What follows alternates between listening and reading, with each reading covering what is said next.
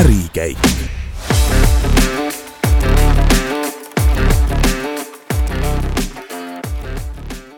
tervist, head kuulajad! täna on meil eetris äh, saate Ärikäik kuueteistkümnes osa ja oleme suvepuhkuselt, pikalt suvepuhkuselt tagasi. saatejuhid on ikka veel Gert Avasalu ja Berta Kortvelder. täna on meil külas Eivor Maiväli, tervist! tervist!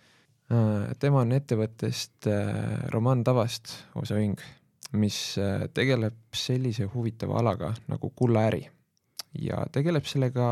isegi üsna laia haardega välismaal. aga sel ettevõttel on ka väga pikk ajalugu. äkki alustaks sellise, kui on üldse võimalik kiiret ülevaadet sellest teha, äkki on nii, nii huvitav ajalugu, äkki alustaks selle ajaloo ülevaatega? jaa, loomulikult et jah, et kullaäri on jah, väga nagu selline lai, lai, lai käsitlus, jah, otsapidi tegeleme ka sellega. aga Roman Tavast jah, sellel aastal äh, siis tähistab oma sajandat aastapäeva. Äh, asutati aastal tuhat üheksasada kakskümmend kolm ja asutajaks oli kullassepp ja ehte kunstnik Roman Tavast ja, ja ettevõte sai, sai alguse märkide ja medalite valmistamisest äh, loodigi selle jaoks, äh, algselt oli tegemist äh, kahe mehe firmaga, et Roman Tõvest koos abilisega. ja, ja, ja kahekümnendatel, kui Eesti Vabariik hästi noor oli, siis tekkis hästi palju uusi organisatsioone ja oli, oli vaja paljudel erinevaid äh, siis aumärke eraldusmärke, tänumärke, teenetemärke ja nii edasi. ja see oli see algne äri, millega tegelema hakati ettevõte kasvas siis hästi kiiresti, kolmekümnendatel, äh, kolmekümnendate alguses ehitati päris oma maja. Äh, et alguses tegutseti ka kahes kohas, et Kuninga tänaval Tallinnas ja siis ka Väike Roosikrantsi tänaval. ja, ja kolmekümnendate alguses sai valmis päris nagu see vist isegi tegelikult on Eestis esimene äh, Kullassepa ettevõtte jaoks projekteeritud ja ehitatud maja, mis on Pärnu maantee kakskümmend, see maja on siiamaani seal alles. kolmekümnendate keskel tehti sinna siis mingi pealeehitis ja siis kolmekümnendate lõpus veel tänava äärde eh, esinduskauplus koos eh, siis eh, eluhoonega või nagu korteritega. ja see esinduskaupluse hoone on, on ka jah, praegu olemas Pärnu maanteel siis, kus vanasti oli Westmani pood, siis üle tee sealt, kus praegu minu teada, ma kahjuks nime ei mäleta, aga on üks mingi pitsarestoran on seal esimesel korrusel, siis seesamane pitsarestorani äh, ruumid, need ongi Romandovast esinduskauplus, äh, mis ta siis kunagi oli ja, ja, ja firma jah arenes kiiresti ja juba tol ajal tegeles ekspordimüügiga siis lähiriikidesse, Põhjamaadesse, Balti riikidesse ja, ja kolmekümnendate lõpuks oli seal umbes seitsekümmend töötajat, nii et äh, päris suur ettevõte. Äh, neljakümnendal aastal, äh, kui tuli siis äh, okupatsioon Eestisse, eks äh, siis ettevõte natsionaliseeriti, äh, võeti omanikult ära, aga omanik jäi alguses sinna tööle, töötas seal tehnilise juhatajana või midagi sellist. kuni siis neljakümne esimese aasta juunis ta küüditati ja nel-, tuhat üheksasada nelikümmend kaks mõisteti surma ja lasti maha Siberis ja siis äh, jah, et, et äh, ettevõte aga selles mõttes Eestis tegutses edasi, et tegutses edasi juveelitehase nime all. Äh, küll neid nimesid oli erinevaid, et ja oligi, et alguses okupatsiooni ajal muudeti nimi Romandovastist siis metallmärgiks, oligi nagu vääris, väärismetallist asjade tehas, metallmärk, siis vahepealse Saksa okupatsiooni ajal muudeti tagasi Romandovastiks Äh, siis uuesti Nõukogude Liidu tulekuga muudeti jälle metallmärgiks, kuni siis viiekümnendal aastal äh, sai ta selle nime, millega ta siis peaaegu terve Nõukogude aja tuntud oli, ehk siis Tallinna juveelivabrik või juveelitehas või, või äh, ja nii edasi. ja selles samas Pärnu maantee hoones ja tehase hoones tegutses juveel kuni seitsmekümne viienda aastani, kui sai valmis, ma võin eksida, äkki oli seitsekümmend kolm või midagi seitsmekümnendate keskpaigas ja kui sai valmis siis äh, uus hoone Mustamäel Kadakade ja Laki tänava nurga peal ja siis koliti sealt Pärnu maanteelt ära. Äh, ja, ja Juveel tegeles siis ju, no ütleme jah, et kolmekümnendate lõpuks Romandovast oli nagu nii palju laienenud, et, et lisaks siis märkidele, medalitele toodeti ka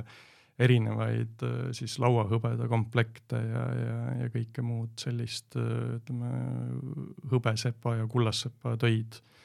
Ja, ja noh, see siis jätkus, eks ole, ja, ja jätkus juveelis äh, ka siis märkide meda-, mär-, märkide medalite valmistamisega, lauahõbeda valmistamisega ja siis ka ehete valmistamisega. ja, ja Nõukogude aja lõpuks oli siis juveelitehas äh, vist minu teada üks suurimaid Nõukogude Liidus olevaid selliseid väärismetallist esemete tehaseid, kus töötas peaaegu tuhat inimest. et, äh, et väga suur ettevõte, eks. Äh, üheksakümmend, siis tulemegi tänapäeva juba, et üheksakümnendate alguses üheksakümmend kolm siis Roman Tavasti või selle asutaja poeg, Raul Roman Tavast on siis poja nimi, Raul Roman, isa oli Roman. tema küll oli nagu tegelikult hoopis teise valdkonna inimene kogu selle nõukogude perioodi, töötas küberneetika instituudis, aga siis öö, otsustas hakata oma isa pärandit nagu taastama selles mõttes ja, ja, ja osales, äh, oli siis üks juveelitehase erastajatest, et noh, tol ajal oli, et et kuna see ettevõte oli nii palju muutunud, äh, siis ettevõtet kui sellist äh, ja ettevõtteid vist ei tagastatudki üldse, et mm., et ettevõte, ettevõtet oli võimalik ainult siis erastada, eks. Ja, ja noh, kuna see erastamine oli ju kulukas, eks siis kaasati sinna äh, Äh, ka üks Norra investor nime, üks ettevõte nimega K Rasmussen, mis on Põhja-Euroopa üks suurimaid väärismetallidega tegelevaid ettevõtteid ja neil on oma rafineerimistehas. ja ühtlasi ka siis juveelitehase viimane äh, direktor, kes oli äh, ehk siis nagu Miklite perekond. Ja nemad siis äh, kolme peale erastasid juveelitehase, nii et kõikidel oli kolmandik, Tavastitel, Miklitel ja norrakatel ja, ja noh, loomulikult äh, Rauli äh, algne mõte arvatavasti oli, oli see, et ehk on võimalik nagu see ettevõte kuidagi pöörata tagasi selleks, mis ta siis Eesti ajal oli, eks, et tegelikult ju noh, see oligi seesama Eesti-aegne ettevõte, mis oli siis Nõukogude perioodil läbinud väga suured muutused, eks äh,. Aga noh, see idee iseenesest ei õnnestunud, et, et, et pöörata teda siis tagasi Roman Tavastiks ja ma ei tea, muuta nimi Roman Tavastiks äh, Mm, ja siis selle asemel mm,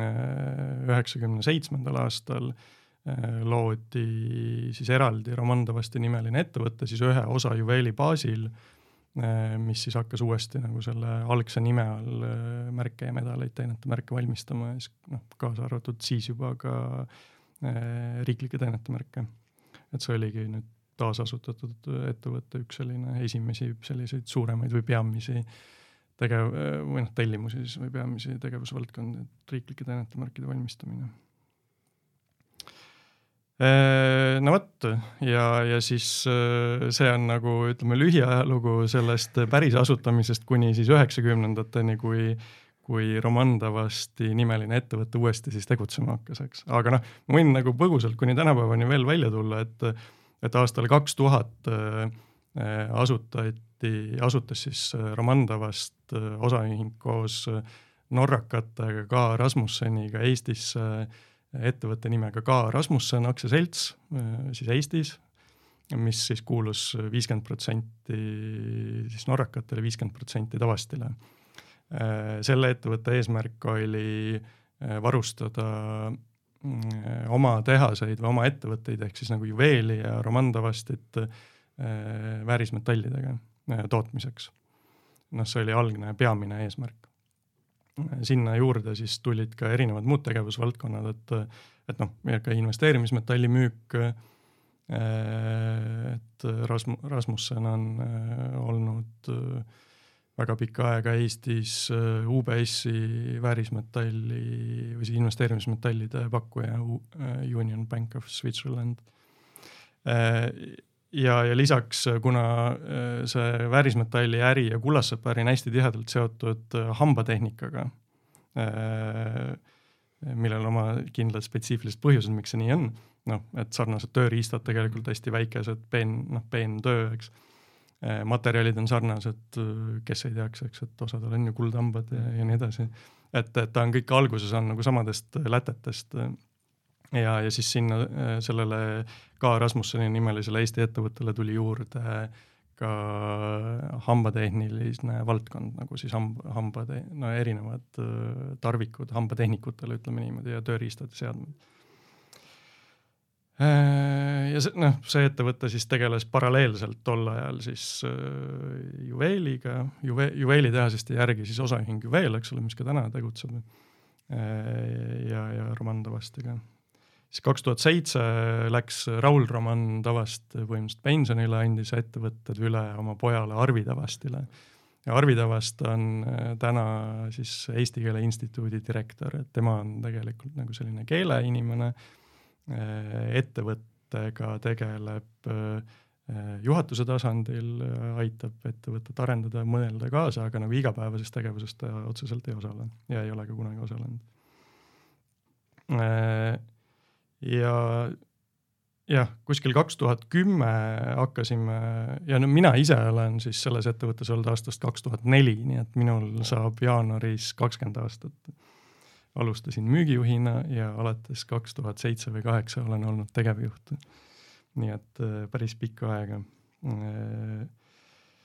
Aga jah, et, et kus see siis nagu see praegune areng äh, siis nagu kuidagi alguse sai, oligi tegelikult see noh, täna, täna on ju väga aktuaalne mõelda tagasi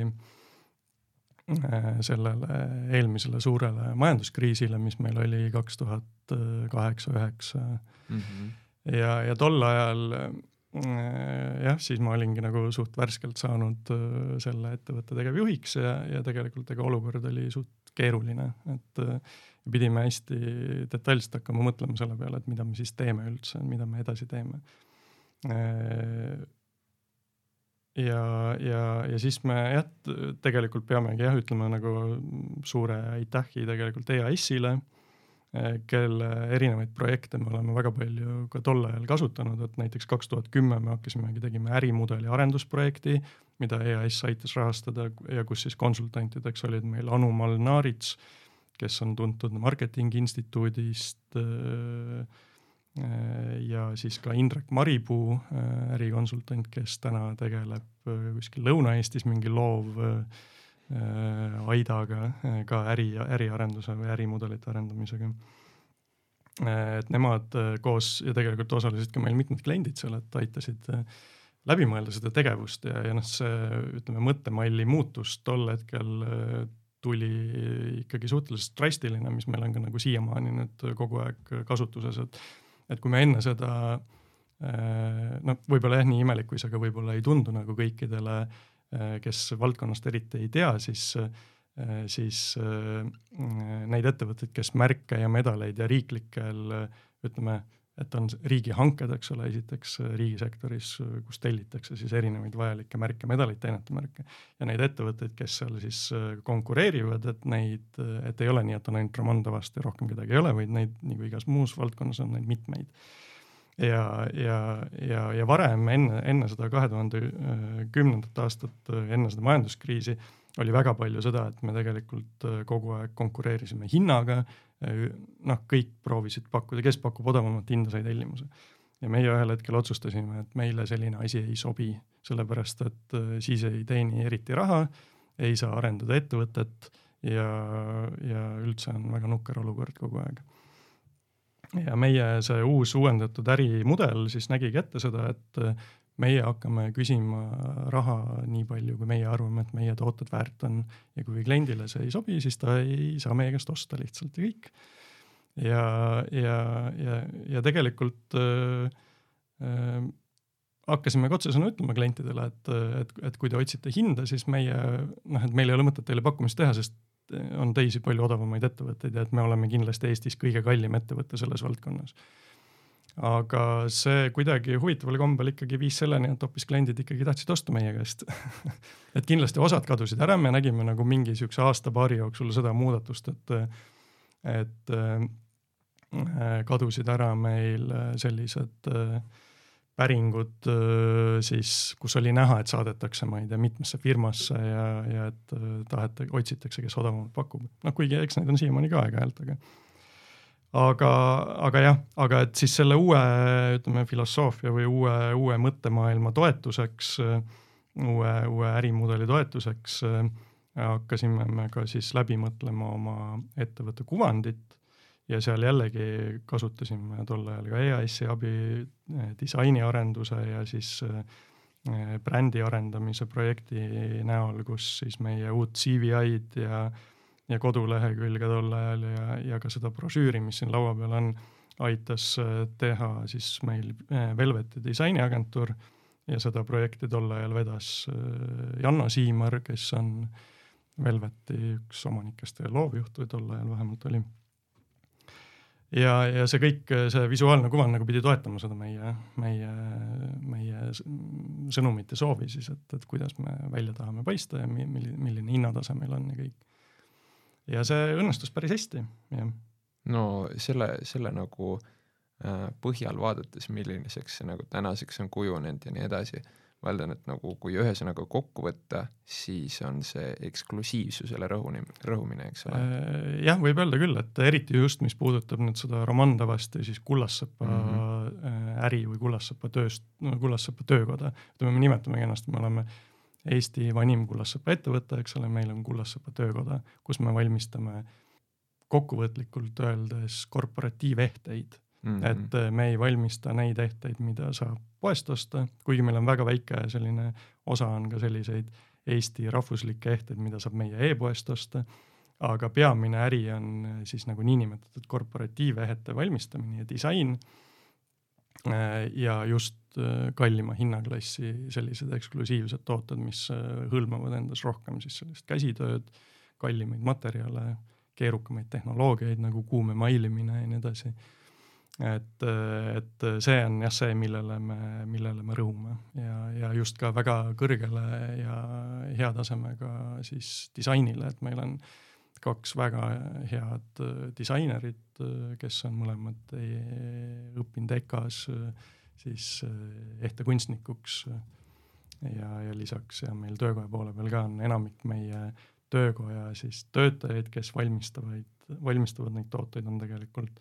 kas siis bakalaureusekraadiga või osad ka magistrikraadiga ehtekunstnikud ja kullassepad, nii et aga te ütlesite, et korporatiivehted, et nagu milli-,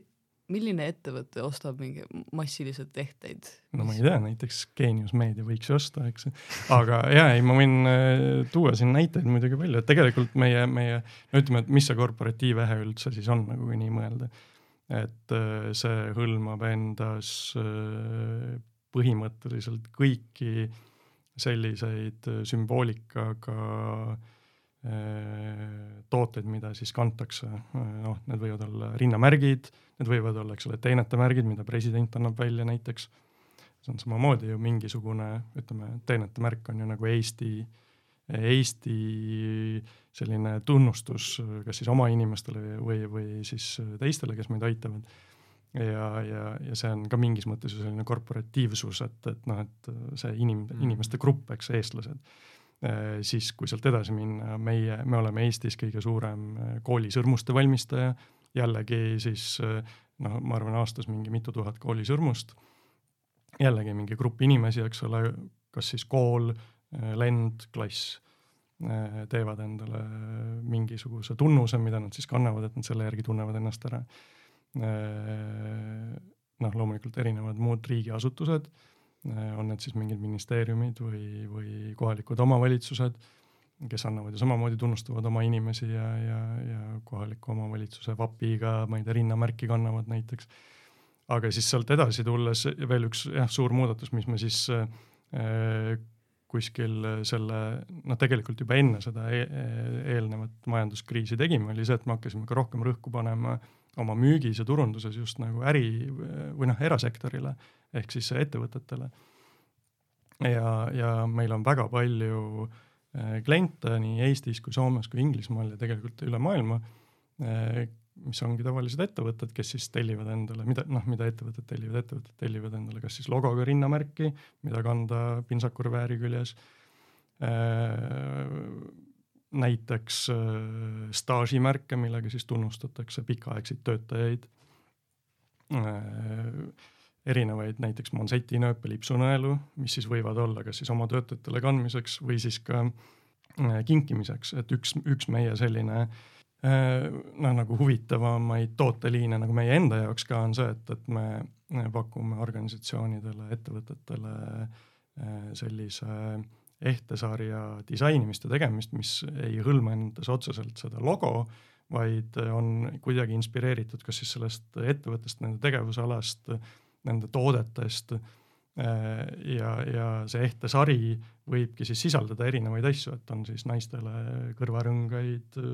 kaelaehteid, käevõrusid, mansetinööpe meestele, eks ole, lipsunõelu ja, ja nende idee ongi see, et, et kui võib-olla selline logoga toode on, on väga nagu kitsa, noh, mõnes mõttes kitsa kasutus, kasutusega, et seda saab kanda oma, oma töötaja näiteks tööle, eks aga noh, et kas see töötaja nüüd tahab selle logoga, lipsunõelaga või mingi logoga kaelaehtega minna õhtul teatrisse, noh et see on juba küsitav, eks. Äh, kui sa tahad seda kingitusena kasutada, et kas siis äh, koostööpartnerile, kui sa kingid enda ettevõtte logoga mingi lipsunõela, noh, ma arvan, et hästi suur tõenäosus on, et see läheb sahtlisse ja ei lähe sinna lipsu külge kunagi, eks. Äh, aga vastupidiselt, kui see on disainitud selliselt, et ta on lihtsalt näeb välja lihtsalt väga äge, ehe, aga seal taga on see lugu, et miks ta on selline ja see saaja, kes seda kannab, ta teab, kes selle talle kinkis, siis on väga suur tõenäosus, et ta läheb sellega ka õhtul teatrisse või kuskile sünnipäevale, eks. ja et ka töötaja kannab töövälisel ajal seda, et, et selles mõttes ongi, et me hästi palju keskendume sellele, et mis on, mis on nagu kliendi eesmärk, mis on selle toote eesmärk, kes seda peaks idee kohaselt kandma hakkama ja siis äh, anname kliendile nõu, et kuidas seda siis teha, et ta selline oleks, et ta seda eesmärki ka täidab. ja noh, äh, ja siis võibki küsida, miks neid üldse tegelikult tehakse, miks neid kasutatakse, milleks neid vaja on. et jällegi võib-olla tänases olukorras, kus meil jälle majanduses on keerulisemad äh, ajad ja, ja eks kõikidel on ju raha on vähe ja siis võib mõelda, et okei okay,, et noh, hakkame nüüd veel mingisuguseid ehteid tellima firmale, et et ei ole eriti loogiline. aga, aga noh, et kui mõelda, et kust kogu see äh, idee üldse alguse saanud on, äh, siis põhimõtteliselt selline nagu korporatiivsete tänu äh, väljenduste valmistamine ja kinkimine on alguse saanud vanast Roomast või noh, võib-olla veel varasemast ajast, eks.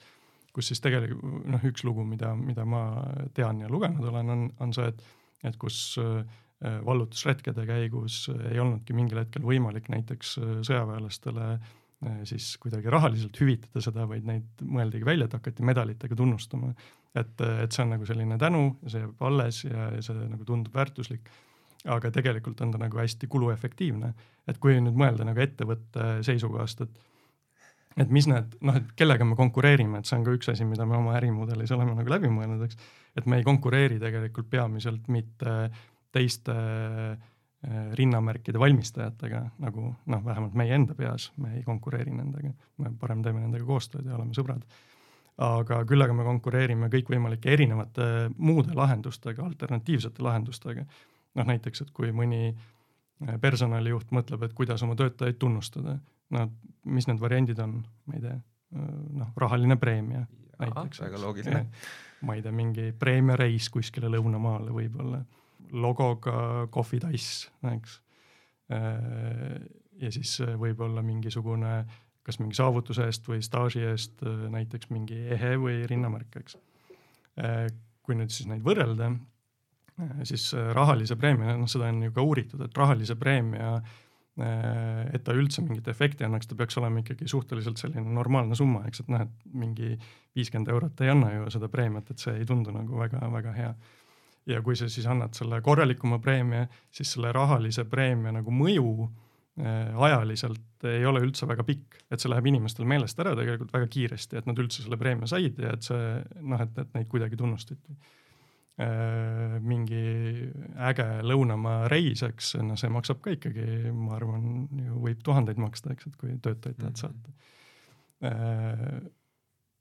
aga kui sinna kõrvale võtta jah, et siis näiteks selline tunnustusmärk, siis selle väljatöötamise hind koos seal kõikide disaini ja ettevalmistuskuludega võib noh, sõltuvalt tootest, eks ole, olla seal kuskil võib-olla kolmekümne kuni saja euro vahel ühe tüki kohta ja, ja see jääb inimesele alles. ja me oleme kuulnud mitmeid selliseid lugusid, kus, kus töötajad, kes on kunagi siis või inimesed, kes on jäänud pensionile, siis nad mõtlevadki tagasi oma, oma nagu töökarjäärile ja, ja, ja siis üks, ma ei mäleta täpselt, kus ettevõttest ta oli, aga mingi, mingi proua kuskil andiski intervjuu ja ütles, et et ta, tal on sahtlis äh, staažimärk, mis talle kunagi anti ja, ja et iga kord, kui ta selle välja võtab, siis tal tulevad kõik need head mälestused meelde ja nii edasi, et see on nagu ainukene niisugune kõige olulisem mälestus, mis tal sellest oma pikast töökarjäärist on, eks. ja kui nagu neid kõrvuti panna, siis äh, see on noh, me julgeme küll väita, et, et need tooted on nagu kõige kuluefektiivsemad äh, tunnustamisvahendid üldse, mis on. ja, ja noh, seda näitab ka muidugi see, et ettevõtted kasutavad neid Need kasutavad neid Eestis eh, ja meil on ka tütarfirmad Soomes ja Inglismaal, eh, et ka seal on meil väga-väga mitmeid nimekaid kliente, eks, et kes, kes selliseid tooteid siis kasutavad. No tegelikult, kui juba Inglismaast juttu oli äh,, siis see võib-olla arvestades nagu ettevõtte ajalugu mm,, siis see võib-olla ongi kõige huvitavam osa, et kuidas te üldse nagu nüüd peale Eesti Vabariigi taastamist välismaa turule murdsite mm, -hmm. sellepärast et nagu hästi loogiline on, et välismaal äh, te tegutsesite Inglismaal, kas praegu kusagil veel? Äh, Soomes ja noh, läbi Inglismaa tütarfirma, siis tegelikult on meil kliente üle maailma, et äh, okay. et seal on kindlasti ja. omaenda ettevõtteid nagu ees, kuidas te sinna välja murdsite? jällegi, et eks see sinna minemine oli ju või noh, ütleme, et, et miks Inglismaa, eks on, see oli väga pragmaatiline valik tegelikult, et et just siis, et kui me kaks tuhat kümme tegime oma, mõtlesime läbi oma uue ärimudeli, tegime brändi uuenduse, siis mingil hetkel, noh, mingil hetkel iga, iga ettevõtja peaaegu Eestis, eks ole, saab aru, et Eesti on ikka jube väike koht, noh, et siin tegelikult, et ainult Eesti turul midagi teha, et eriti kui sa tegele, tegutsed mingis nišis noh, et see sisuliselt ei ole võimalik või noh, ta on võimalik, aga väga, väga, väga keeruline on see, sest turg lihtsalt on nii väike. Ja, ja siis, siis me hakkasime mõtlema, et, et kuhu minna. ja, ja, ja mõtlesime, et kõige loogilisem koht, kuna noh, tunduski meile siis Suurbritannia just sellel põhjusel, et, et esiteks me, meil oli endal üks võimekus seda keelt rääkida noh, kui võtta mingeid teisi suuri turge Euroopas, et et ma ei tea, Saksamaa või Prantsusmaa või siis meil lihtsalt juba see pragmaatiline põhjus, et meil ei olnud ühtegi inimest, kes räägiks saksa keelt või prantsuse keelt näiteks või hispaania keelt. Soome keelt me muidugi räägime ka ja Soomes oli meil klient juba tegelikult enne, et enne Inglismaale minekut, nii et see on nagu selles mõttes eraldi, eraldi teema äh, aga, aga ja, ja siis, ja siis seda, seda otsust ka toetas see, et just seesama pikk ajalugu ja just seesama mit-, mit-, et, et, et see, et seal selliseid ettevõtteid veel on, ei ole mitte negatiivne, vaid see on positiivne, sellepärast et see näitab, et äh, seal on turgu sellele tootele, eks no,. No. et äh, seal kasutatakse neid ja seal on see kultuur on nagu hästi pika aja jooksul siis tekkinud ja, ja juurdunud. ja siis me mõtlesime, et kuhu veel, noh, et kuhu, mis oleks veel parem koht, et kui juba hakata pingutama ekspordiga, et siis me ikkagi läheme sinna ja, ja, ja noh, kuidas selles mõttes alguse sai, et see oligi siis kaks tuhat neliteist, kui me äh, tegelikult jah, asutasime oma selle tütarettevõtte, aga noh, me ei asutanud teda niimoodi, et me mõtlesime, et lähme Inglismaale ja siis kõigepealt asutame ettevõtte ja siis hakkame vaatama, vaid tegelikult me ikkagi enne uurisime turgu, testisime turgu, katsetasime tegelikult enne ka teist lähenemist, et meil oli äh, ühe tarnija, äh, ühe tarnija siis huvi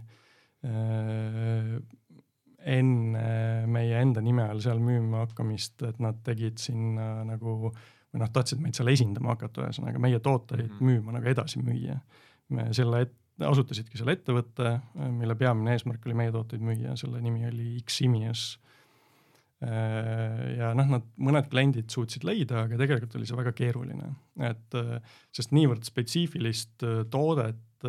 ja, ja, ja kogu seda siis seda tausta ja seda ideed ja seda teenust nagu selgitada, kui sa ise ei ole selle sees, on ikkagi väga raske. Ja noh, tegelikult ongi, et, et, et me ju ei müü või noh, et mis, mis see meie toode või teenus on, et, et meie, me, me ise ka ütle-, või noh, ütleme, see oli ka selle ärimudeli arendamise üks tulemustest, see, et me ei ole siis äh, nagu rinnamärkide tootmise ettevõte selles mõttes, et noh, et me küll oleme, eks, aga, aga see, mida me tegelikult pakume, on siis me aitame oma klientidel tänada neile olulisi inimesi et see on nagu see, et me oleme nagu selles mõttes nagu tänamis business'is, et, et me ei ole mm. nagu, me ei ole nagu rinnamärkide business'is, et või noh, et oleme küll, aga see on abivahend. et äh, maailmas on hästi palju ettevõtteid, kes ongi keskendunud, noh, hästi palju neid Hiinas muidugi, kes ongi keskendunud, nad ütlevadki, et nii, et meie toodame rinnamärke, lihtsalt punkt. Ostke rinnamärke, no miks sul seda rinnamärki vaja on, me ei tea, eks, noh, et me valmistame neid. aga noh, et me, me oleme nagu samm edasi sealt, et me me müüme nagu seda sisu pigem, et äh, see toode on nagu selle sisu väljendus siis. ja, ja seda niimoodi nagu müüa on väga-väga keeruline, et alati on kedagi, ka Inglismaal on see, et ega me ei ole seal sugugi kõige odavamad.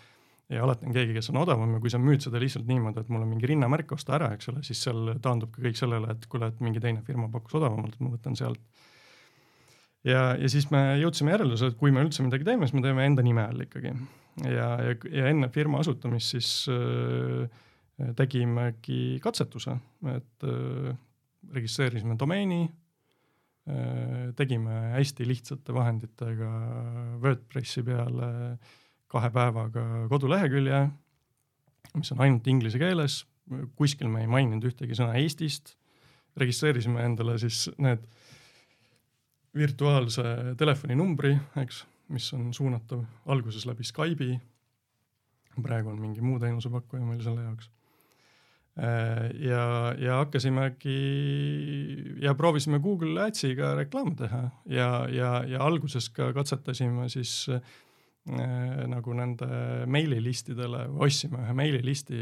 mõtlesime, kes meie potentsiaalne klient võiks olla kõige lihtsam, kellele müüa, et, et kolmas sektor äkki, et igasugused klubid ja, ja kõik sellised. ja ostsimegi mingi meililisti äh, Äh, mingi UK ettevõtte käest, äh, kes neid seal müüs ja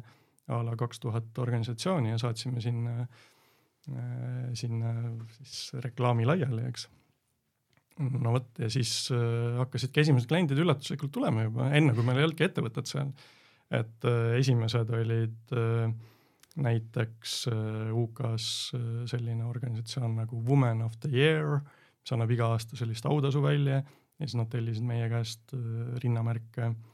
Äh, ja neid ettevõtteid oli veel erinevaid, ma praegu kõiki nende nimesid ei suudagi meenutada. aga, või noh, organisatsioone, eks ole, just nagu kolmanda sektori organisatsioone. Ja, ja selle tulemusena siis me vaatasime, et ohoo, et tegelikult päris, et kliendid võtavad meid ilusti vastu. Ja noh, mudel oligi see, et ta vaatas kodulehte, luges selle läbi, talle meeldis see toode, saatis meile päringu äh, või helistas meile, meie ise olime siin Tallinnas, meil oli tol ajal väga hea äh, müügiinimene, kes oli e-, noh, eestlane, kes oli hästi pikka aega töötanud äh, brittidega koos, rääkis perfektset briti siis aktsendiga või sellise Londoni aktsendiga inglise keelt nii et, või noh, okei okay,, see ei ole Londoni aktsent, et tegelikult UK kliendid tihtilugu küsisid ta käest, et mitte seda, et kust riigist ta pärit on, aga küsisid, et kust piirkonnast ta nagu sealt äh, Äh, Inglismaalt pärit on, noh et, et, et aktsent oli ikkagi nagu kohalik. ja, ja, ja siis ja kui juba see barjäär siis kliendiga oli ületatud, et ta juba meiega rääkis, suhtles, oli saanud hinnapakkumise, kui me siis ütlesime, et aa, et äh, alguses ka, et, et me oleme tegelikult Eestis ja et arve tuleb Eestist, et äh, meil ei ole UK-s tegelikult firmat, siis ei olnud see enam probleem üldse, et nad on nagu harjunud seal sellega, et tegelikult üle maailma, see üle maailma siis ettevõtetega äri ajame aga siis selle, selle esimese, noh, see, see katseperiood oligi, ma arvan, umbes niimoodi, et, et kuskil veebruaris-märtsis hakkasime seda kodulehte tegema ja seal reklaamima ja siis esimesed kliendid tulidki seal kuskil kevadel ja, ja,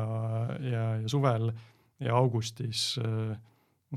äkki oli viisteist august või midagi sellist, saime me seal Companies House'ist oma registreerimistunnistuse, et tegime, registreerisime ka ettevõtte sinna ära. nii et siis peale seda oligi, meil oli kohalik ettevõte, meil oli kohalik käibemaksunumber, kohalik pangakonto kõige, jah, selle asutamise käigus kõige keerukam oligi pangakonto avamine võib-olla, et sest see seal ei ole nii lihtne kui Eestis on võib-olla, et ja, ja ka kohalik aadress, siis meie raamatupidaja aadress, aga kogu tegevus ja nojah, tegelikult muidugi alguses oli meil ka kohapeal töötaja, me võtsimegi sinna ühe töötaja, kes nagu müügiinimeseks, aga si-, ikkagi mingi perioodi peale me avastasime, et, et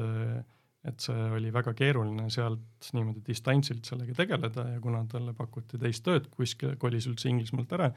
siis me otsustasime, et me hakkame seda ainult Eestis tegema, nii et ongi, et meil on siiamaani on see, et meie UK müük ja, ja turundus ja kõik toimub tegelikult siin Tallinna kontoris. et uh, UK-s kohapeal on meil üks assistent, kes aitab saadetiste vastuvõtmisega, edasisaatmisega uh,. ja siis meil on raamatupidaja seal. aga, aga ja see, see siis selline areng või, või need kliendid, mida me leidsime, noh ma ütlen ausalt siiamaani seda, et, et äh, me poleks elu sees uskunud, et me selliseid kliente sealt leiame. et äh, noh, kui tuues siin mõningad välja, et me oleme teinud äh, Wimbledoni tenniseturniiri jaoks Royal Boxi rinnamärke, mis on siis, Royal Box on seal see koht, kus on kutsutud külalised. Me oleme teinud siis Inglismaa kriketi äh, no inglise keeles on England Cricket Board, nende siis rinnamärke kullast. me oleme teinud World Sailingule, mis on siis rahvusvaheline purjespordi föderatsioon, märke erinevaid, erinevatel aastatel. meie kliendiks on näiteks London Stock Exchange, läbi UK üks maailma suurimaid ettevõtteid, tegelikult USA ettevõte Exxon Mobil Äh, Eestis mitte väga hästi tuntud, aga, aga mujal maailmas äh, tuntud äh, siis prillitootja Specsavers, Ernst and Young, kes on ka Eestis muidugi, eks ole, tuntud, aga Ernst and Young ei tulnud meie kliendiks mitte Eestist, vaid nende peakontor Iirimaalt oli algselt see, nüüd me oleme ka Eestisse siin vahepeal valmistanud märke neile. PricewaterhouseCoopers Äh, riiete bränd, mis Eestis võib-olla ka ei ole nii hästi tuntud, aga mujal on, et äh, Lyland Scott, ma ei tea, kui see ütleb midagi, eks. Sellised elustiili brändid nagu ja parfüümibränd nagu Ben Halligans. see väga selline premium kalli klassi toode. Veel elustiili brändidest Ralph Lauren näiteks, Bulgari, Cartier Äh, ja nii edasi, et noh, sellised äh, nimed on meie klientide hulgas äh, siis Inglismaal. see nimekiri oli üsna, üsna võimas siin praegu. see ei olnud ammendav selles mõttes, aga mis on nagu teie meelest kõige nagu uhkem see, mis te olete teinud, mille üle te isiklikult olete kõige uhkemad? no kõige uhkem töö, mida me teinud oleme, on Eesti Vabariigi presidendi ametikett et see, see, selle ametiketi me tegime eh, siis kolme firma peale ühiselt, selles mõttes, et see oli nagu ühisprojekt, et seal ei olnud mitte ainult meie, vaid siis kolm Eesti ettevõtet. aga, aga see on kindlasti selline kõige suursugusem ja uhkem projekt eh, selles mõttes, aga noh, lisaks kui mujalt tuua näiteid, siis alles nüüd hiljuti me tegime äh, kui oli siis Suurbritannias oli Elizabeth teise seitsmekümnes valitsemisaasta, äh, siis selle raames oli seal mm, selline algatus nagu äh, The Queen's Green Canopy, mis on siis selline puude istutuskampaania üle Inglismaa, üle Suurbritannia. Ja selle raames me tegime, siis disainisime ja tegime valmis äh, prossid, äh, sellised ilusad, kus oli tammepuu peal ja,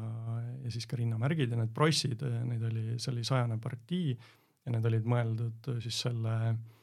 heategevusürituse või heategevusorganisatsioonis nagu kõige tähtsamatele toetajatele kingituseks. Näiteks me oleme, oleme piltide pealt näinud, noh muidugi tol ajal prints Charles, kes siis täna on äh, kuningas. tema on meie selle prossiga käinud, nagu väga palju pilte on ja, ja noh, seal oli teisi inimesi veel, no näiteks näitlejatest Judy Trench mm. oli üks selliseid patroone seal vist, et tema, tema revääri küljes on see, et ka selline väga-väga ilus toode ja väga ilus pross ja, ja, ja väga selline, ütleme siis kõrge tasemega kandjad, et keda me oleme näinud, et ka asi kindlasti, mille üle me oleme väga uhke ja selle disaini, et see tellija küll oli see MTÜ äh,, aga, aga disain, kuna seal peal oli ka kuninganna nimi, eks ole, ja need valitsemisaastad, et disain, mille autoriks oli meie disainer Kairin Koovit, see käis kooskõlastusringil ka Buckinghami palees, et, et sealt anti nagu nõusolek või noh, ka nende juhend, nende nagu tagasiside järgi pidime seal midagi muutma ja siis kinnitati lõpuks. nii et selles suhtes selline hästi huvitav projekt, eks. aga noh, lisaks veel, et, et me oleme teinud ka eh, filmidele ja sarjadele eh, erinevaid tooteid, et näiteks eh, võib-olla kõige tuntum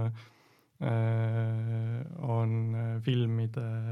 triloogia tegelikult, aga noh, meil sai see alguse filmist London has fallen kus olid peaosades siis Gerard Butler, Aaron Eckhart ja Morgan Freeman. ja, ja näiteks selles filmis siis, selle filmi jaoks me tegime siis äh, USA ihu, presidendi ihukaitsjate nagu rinnamärke, et seal on nii, et presidendi kõikidel ihukaitsjatel on üks väike rinnamärk revääri küljes.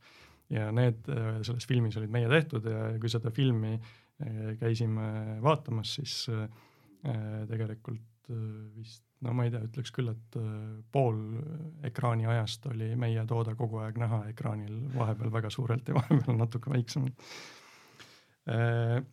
Äh, lisaks näiteks selline, sellisele filmile oleme teinud siis noh, need on nagu Hollywoodi filmid, eks, ja ah,, ja siis noh, London has fallen pluss siis selle, see triloogia viimane osa, mille nimi mul praegu meelde ei tule, et sinna tegime ka, äh, sinna me tegime rohkem tooteid tegelikult isegi äh, oli ka mingeid FBI ametimärke ja mingeid selliseid asju. ja siis oli film nimega The Hitman's Bodyguard, mis nagu vist selline natuke komöödiaga Ryan Reynoldsi, Samuel L Jacksoni ja Salma Hayekiga äh, film, et sinna tegime äh, siis näiteks äh, BBC sarjale, mida ka Eestis on mitu korda telekast lastud, The Night Manager, kus olid peaosades siis Hugh Laurie ja Tom Hiddleston et seal oli ka meie tehtud rinnamärk Tom Hiddlestonil revääri küljes, kui ta mängiski seda öövalvurit seal Šveitsi hotellis. Ja, ja otseselt mitte nüüd ah,, no ja viimane, kuhu me tegime, oli, oli, oli tegelikult see viimane Mission Impossible aga sellega jah, oli sihuke lugu, et seal me tegime märgid valmis ja kõik saatsime ja kohale ja, ja, ja oli väga suur ajaline surve ja et pidid võtetajaks kindlasti kohale jõudma. ja, ja seal märgi peal oli, noh, kes on seda filmi näinud, siis seal oli see äh, Ori-, Oriental Express äh, rong, kus peal tegevus toimus, siis tegelikult selle rongi logo oli nagu noh, et tõenäoliselt oli see mõeldud siis mingit teenindajatele või kellele. Mm., aga filmis seda mitte ühtegi korda ei näe. Nad maksid päris suure raha selle eest, et me selle disainisime ja tegime hästi kiiresti valmis ja toimetasime sinna võttekohta, aga filmist on see igalt poolt välja lõigatud. Aga jah, et ja siis näiteks noh, Eestis hästi tuntud küll see, see oli küll äh, nagu sarja tegijatele tänuks tehtud äh, märk, et seda ei olnud sarjas, aga Peaky Blinders näiteks, nendele me oleme teinud Peaky Blindersi logoga rinnamärgid, et äh, nii et, et jah, sellised erinevad huvitavad projektid, et ja noh, kindlasti neid, mille üle uhkust tunda on palju, ma arvan. aga kuidas on nagu, te tegelete mingite sihuke, sihuke Inglise mingi kõrgühiskonnaga vist üsna palju, nagu ma aru saan, noh, kuningannad ja kuningad ja Peaky Blindersid onju, et äh, kuidas on nagu mingil eestlasel olla sihukeses keskkonnas, kui palju see nagu erineb? Äh, no selles mõttes on see hea küsimus, aga ega ma sellele otseselt vastata ei oska, sellepärast et ega meie ju tegelikult nüüd otseselt seal keskkonnas ei ole, eks, et, et me noh, ütleme niimoodi, et me oleme ise ka mõelnud selle peale, et meil on ettevõte on hästi vana ja, ja, ja noh, kui mõelda selle peale, et milline oli elu, ma ei tea, kahekümnendatel või kolmekümnendatel eelmisel sajandil et mul on nagu isegi suhteliselt keeruline ette kujutada seda, et kuidas seda ekspordimüüki tol ajal tehti ikkagi, et, et kuidas, kuidas sa nagu mingi Tallinna ettevõttena leidsid endale kliente kuskilt, ma ei tea, Taanist näiteks. noh, et tänapäeval me saame kõik aru, eks. ja kuidas see meil täna käib, ega täna ongi, et meie äri on ju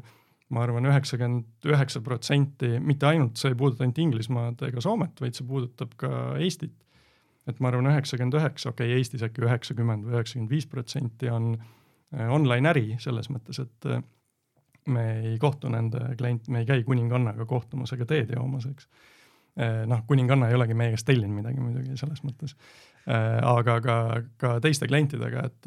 meil on noh, väga harva, võib-olla korra aastas on üks klient, kes ütleb, et et aa, et ma vaatan aadressi järgi, et te olete mul siin umbes kõrval majas enam-vähem, et kas ma võin teie juurest läbi tulla, siis me ütleme, et ai, et sorry, et seal meil on ainult raamatupidaja seal, et ära tule, eks. Aga tegelikult ega keegi eriti ei taha ka tulla. ja noh, selles mõttes me muidugi ikkagi oma elu elame ju siin, eks, ja oleme siin ikkagi Tallinnas. aga nüüd nagu suhtlustasandil siis äh, London ja Inglismaa, Suurbritannia, nad, nad on väga selline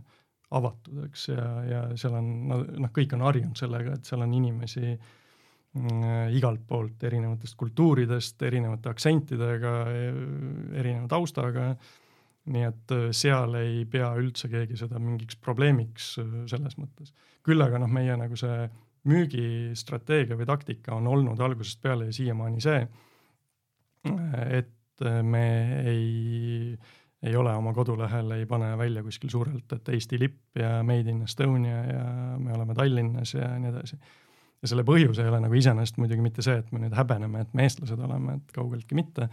vaid põhjus on ka hästi pragmaatiline, et lihtsalt kui ise kujutada ette ennast kliendina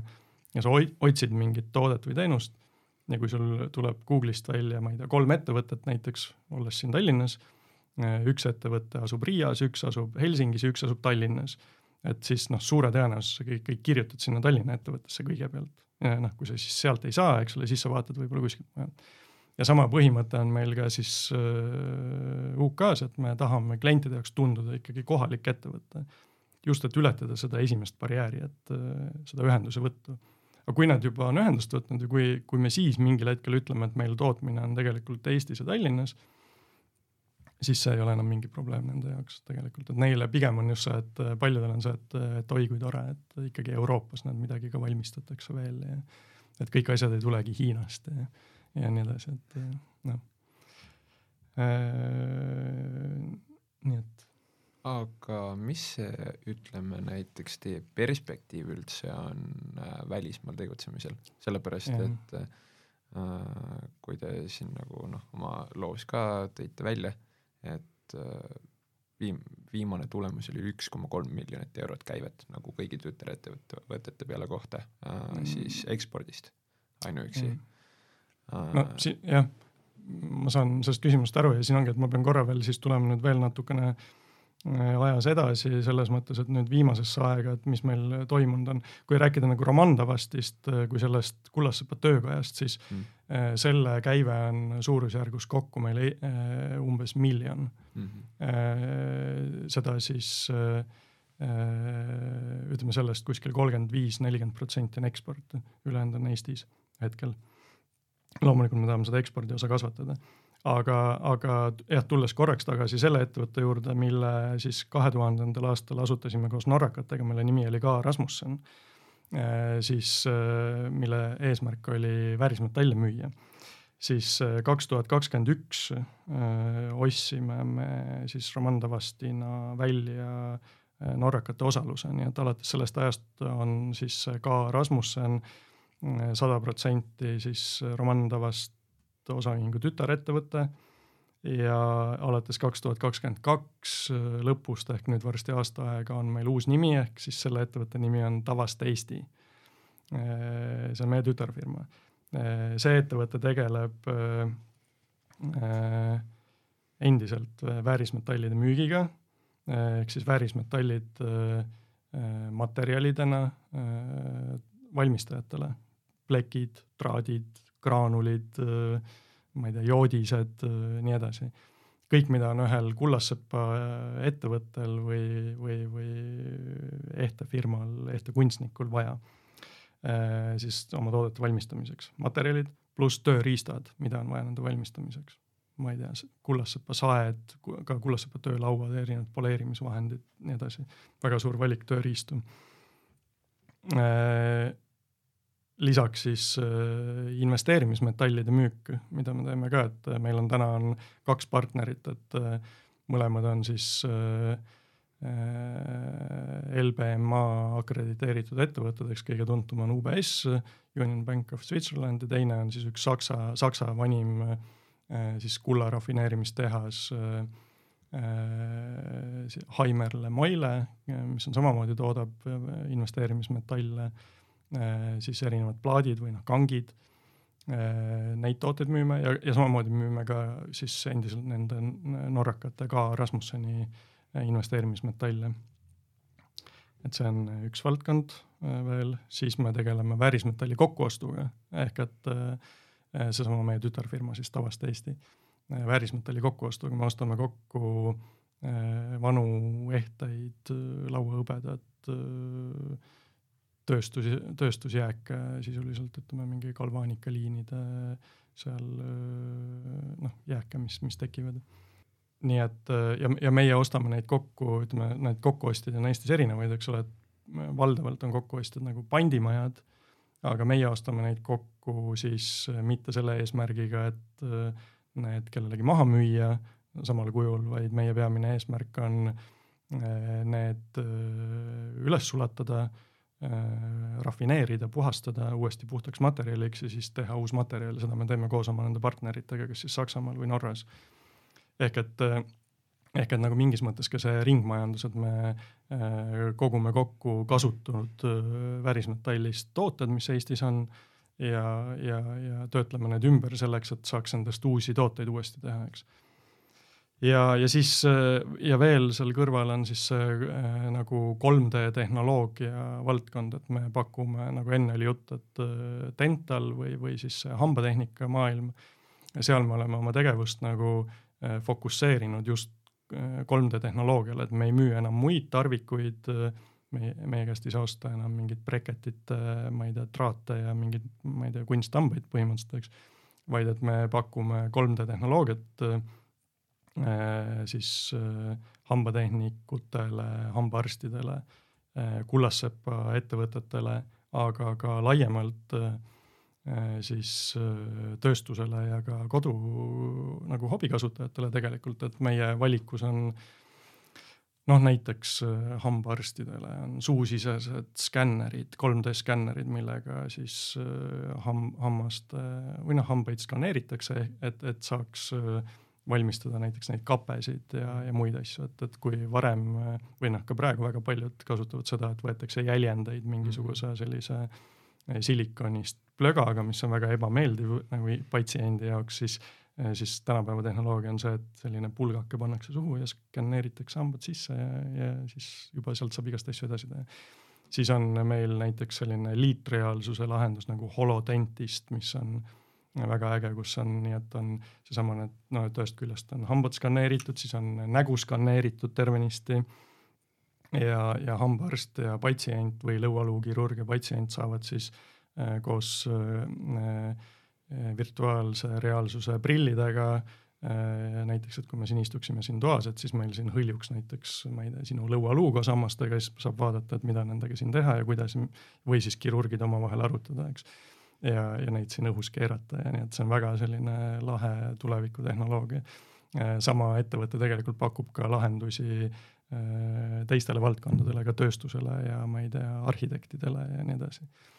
Äh, siis on meil 3D printerid näiteks, me oleme Eestis, esindame selliseid ettevõtteid nagu Asiga, mis on Austraalia hästi selline hea bränd, kus on väga kvaliteetsed 3D printerid ka alates siis kullassepa ja, ja, ja hambatehnika äh, spetsiifikaga, kuni siis lõpetades ka tööstusele mõeldud selliste suuremate seadmetega. ja siis selline soodsama klassi printeri bränd nagu Frozen, äh, mida me ka esindame, et ka nendel on ka sellised kodukasutajatele mõeldud printerid, aga aga ka spetsiifilised dentali valdkonna jaoks mõeldud printerid ja kullassepa valdkonna jaoks mõeldud materjalid ja printerid, et et kus siis saab juba otse vahast printida näiteks ehte välja ja siis valada see hõbedasse, eks nii et kõik need valdkonnad kokku tegelikult annavad meile jah, et meil eelmise aasta käive kokku eh, nende ettevõtete peale oli kolm koma neli miljonit, millest siis üks koma kolm miljonit oli eksport umbes ja, ja, ja, ja ekspordi arendamine nüüd noh, meil ongi nagu need erinevad suunad, millega me tegeleme. Et ühest küljest äh, loomulikult Roman Tavast, kus meil on peamine fookus on endiselt äh, siis äh, UK turul laienemisele või kasvamisele. aga ka need nüüd ju, nagu sada protsenti meile tulnud valdkonnad ehk siis see kullassepa tööriistade ja väärismetallide, väärismetallist materjalide müük et seal me praegu oleme tegemas uut e-poodi endale,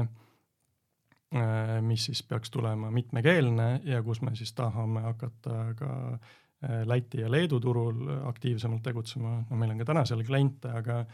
aga pigem äh, selline noh, ei ole neil nagu mugav osta meie käest, aga ma loodan, et varsti läheb see mugavamaks ja ka võib-olla Põhjamaades, eks.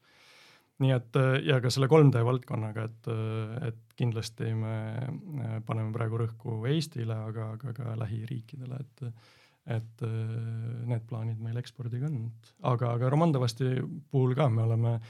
noh, pikka aega mõelnud, et peaks ühe suure ekspordituru veel võtma, kuhu proovida, et näiteks Saksamaa või Prantsusmaa või aga me ei ole veel seda sammu astunud, et meil see kuskil peas mõlgub, aga, aga ei ole jõudnud reaalsete sammudeni hetkel veel noh, te enne ütlesite, et te olete varem meie saateid kuulanud. kui te olete varem meie saateid kuulanud, siis te teate, mis nüüd juhtuma hakkab äh,. nimelt meil on niisugune traditsiooniline lõpuküsimus, et äh, rääkige palun kõige lahedam lugu äh, taast- ja suvepäevadelt. Suvepäevadelt, no jaa, selles mõttes, et äh, no vot jah. See üks viimane, viimane see podcast, mida ma kuulasin, seal oli ka, ma mäletan, et oli Revonia või keegi, kes oli kimbus sellega, et vastata sellele küsimusele, mis see siin nüüd lahe, suvepäevadel. No ma ei tea, meil on, meil on suvepäevade traditsioon olnud selline väga hüplik, et me ei ole nagu isegi iga suvi ei ole seda teinud, kunagi me tegime seda koos juveelitehasega äh, ja aga viimased aastad on olnud meil tavaliselt selline purjetamine Tallinna lahel või midagi muud sellist, et oleme kollektiiviga käinud. et äh,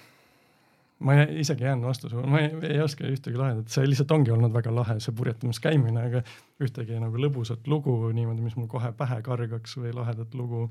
nagu suvepäevadega seoses mul ei tulegi praegu. Noh, purjetamine on jah ise selline kõrgema klassi selline